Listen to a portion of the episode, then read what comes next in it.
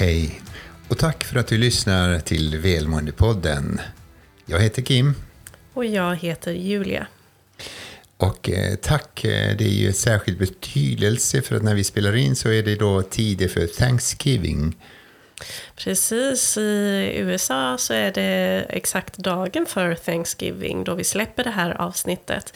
Så att eh, de är i full färd att Eh, vara på sina goda middagar och tacka släkt och vänner och familj för allt gott som de bidrar med. Och det är någonting som börjar spridas då hit till Europa också. Eh, det är samma som Halloween som, som från USA då har blivit mer och mer viktigare här i, i våra breddgrader. Men egentligen det här med Thanksgiving, det kommer ifrån Europa från allra första början.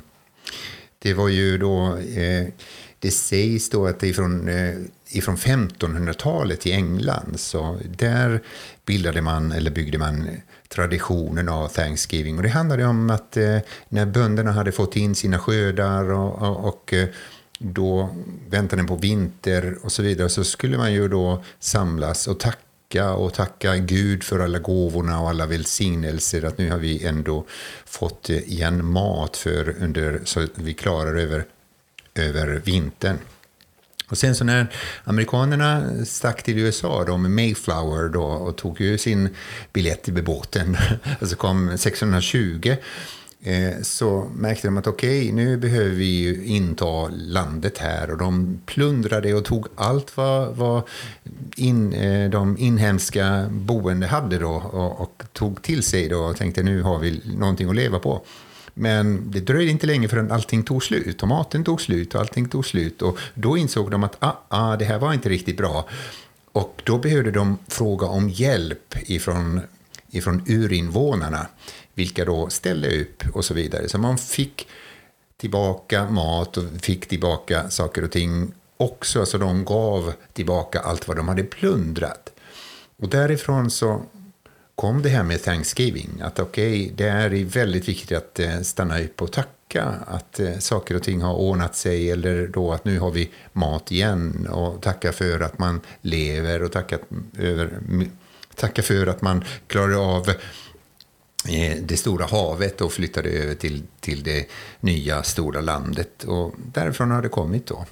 Idag så tänker man inte så mycket på mat och så vidare, även om man fokuserar på mat, eller Thanksgiving i USA då, det är väldigt mycket kalkonätande och så.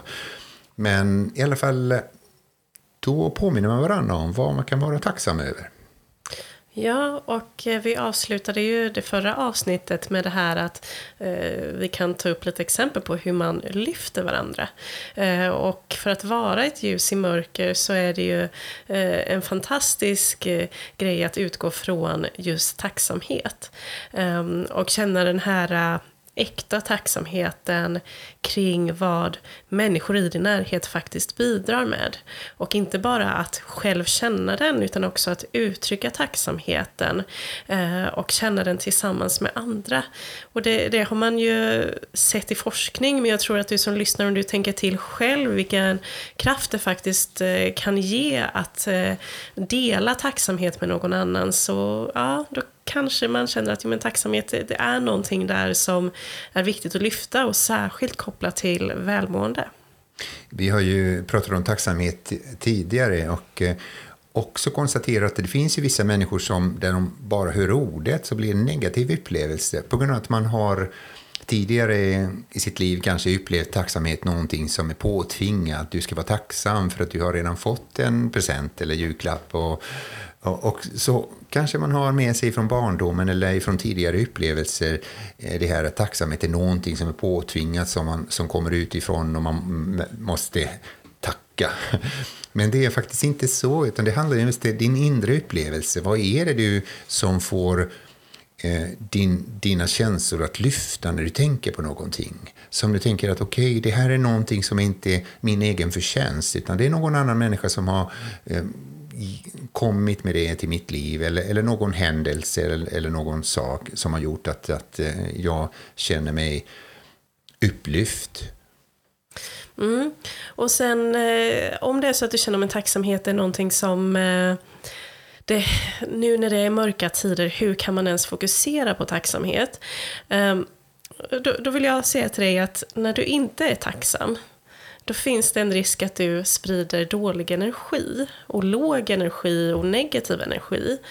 Och om du inte kan ta ansvaret mot dig själv att vara tacksam med alla dess fördelar som faktiskt eh, sker gentemot en, ens egen välmående när man upplever tacksamhet, så kanske du kan ta det ansvaret mot dem du älskar.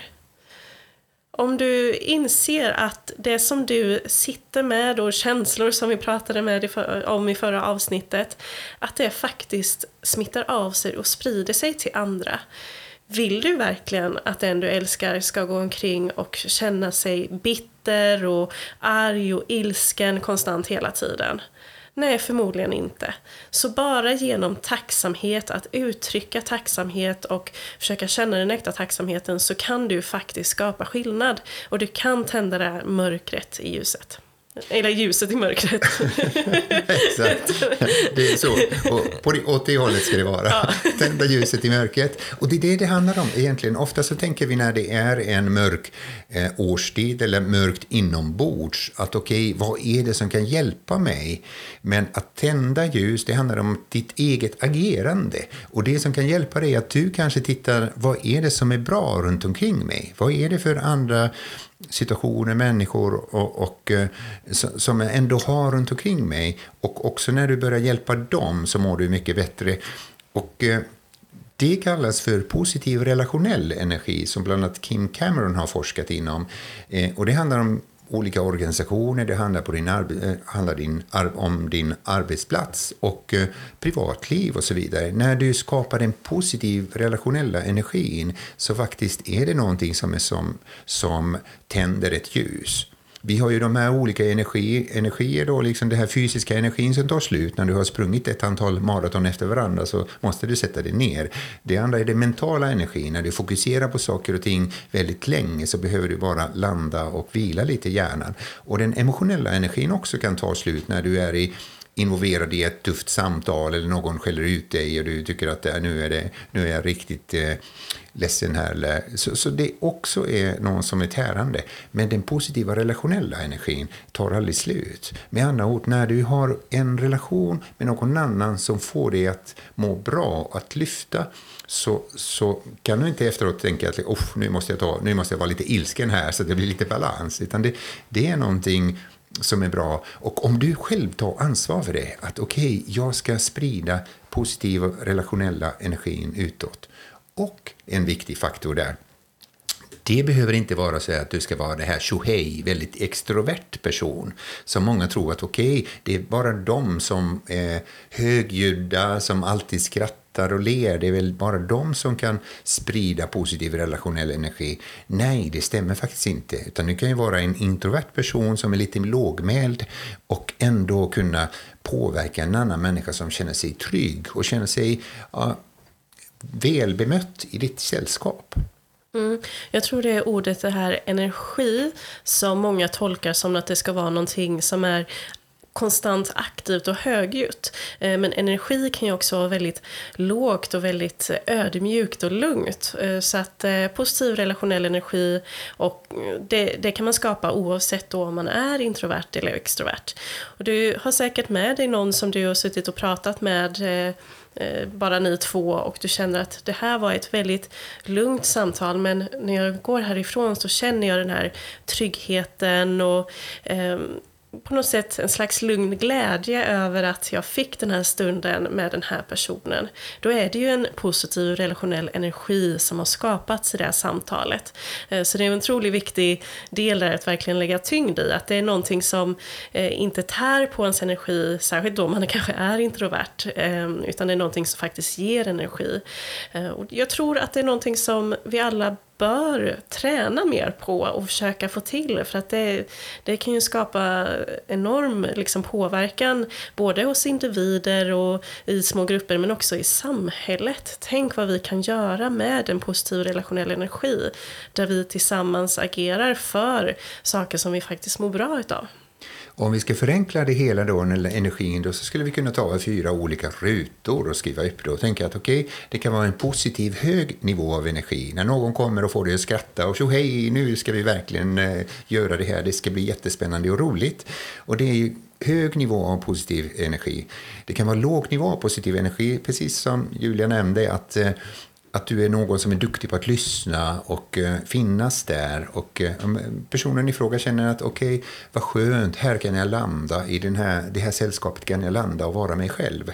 Det kan också vara positiv eller ne hög negativ energi då när någon skäller ut dig och är riktigt arg och ilsken. Nu har du parkerat fel och det är min plats och så vidare. Det kan också vara eh, negativ låg nivå av energi. Det är människor som får dig att må sämre ja, lite depressiva, de här äh, som inte responderar alls och så vidare. När, när du är mer medveten om vilken energi du sänder till andra så påverkar det också dig själv när du tänder ljus i mörkret. Så vad kan du aktivt göra då för att sprida den här relationella energin? Jo, Någonting konkret att träna på det är ju aktivt lyssnande. Att du lyssnar på andra för att förstå, inte för att du ska ge svar. Eh, det är en otroligt viktig del att verkligen ta tid till att lyssna och försöka sätta dig in i den andra personens perspektiv. Eh, och ha som mål att jag ska försöka förstå den här personen så mycket som möjligt. Inte för att ge svar eller svar på tal eller jag tycker si eller så. Utan fokus på den andra personen.